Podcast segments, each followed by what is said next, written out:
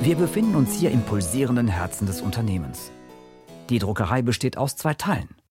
Auf der einen Seite stehen die Letternkästen und auf der anderen die Druckpressen.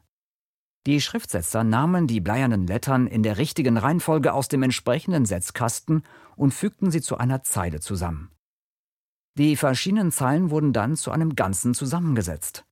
Auf diese Weise entstand allmählich ein Drucksatz, der auf Papier gedruckt wurde. Nach dem Drucken legten die Setzer die Buchstaben wieder in der richtigen Reihenfolge in den Setzkasten, damit sie beim nächsten Druckwerk wiederverwendet werden konnten. Die Drucker befestigten den Drucksatz auf der Presse, schwärzten ihn mit Tinte ein und klemmten das Papier fest. Nachdem der Wagen unter die Presse gerollt worden war, sorgte ein kräftiger Ruck am Hebel dafür, dass das Papier auf den Drucksatz gepresst wurde und ein Abdruck entstand. Dieser Vorgang wurde durchschnittlich 2500 Mal pro Tag wiederholt. Unter der Marienskulptur stehen die ältesten noch erhaltenen gebliebenen Druckpressen der Welt. Sie sind über 400 Jahre alt. Möglicherweise hat Plantin sie sogar noch in Betrieb erlebt.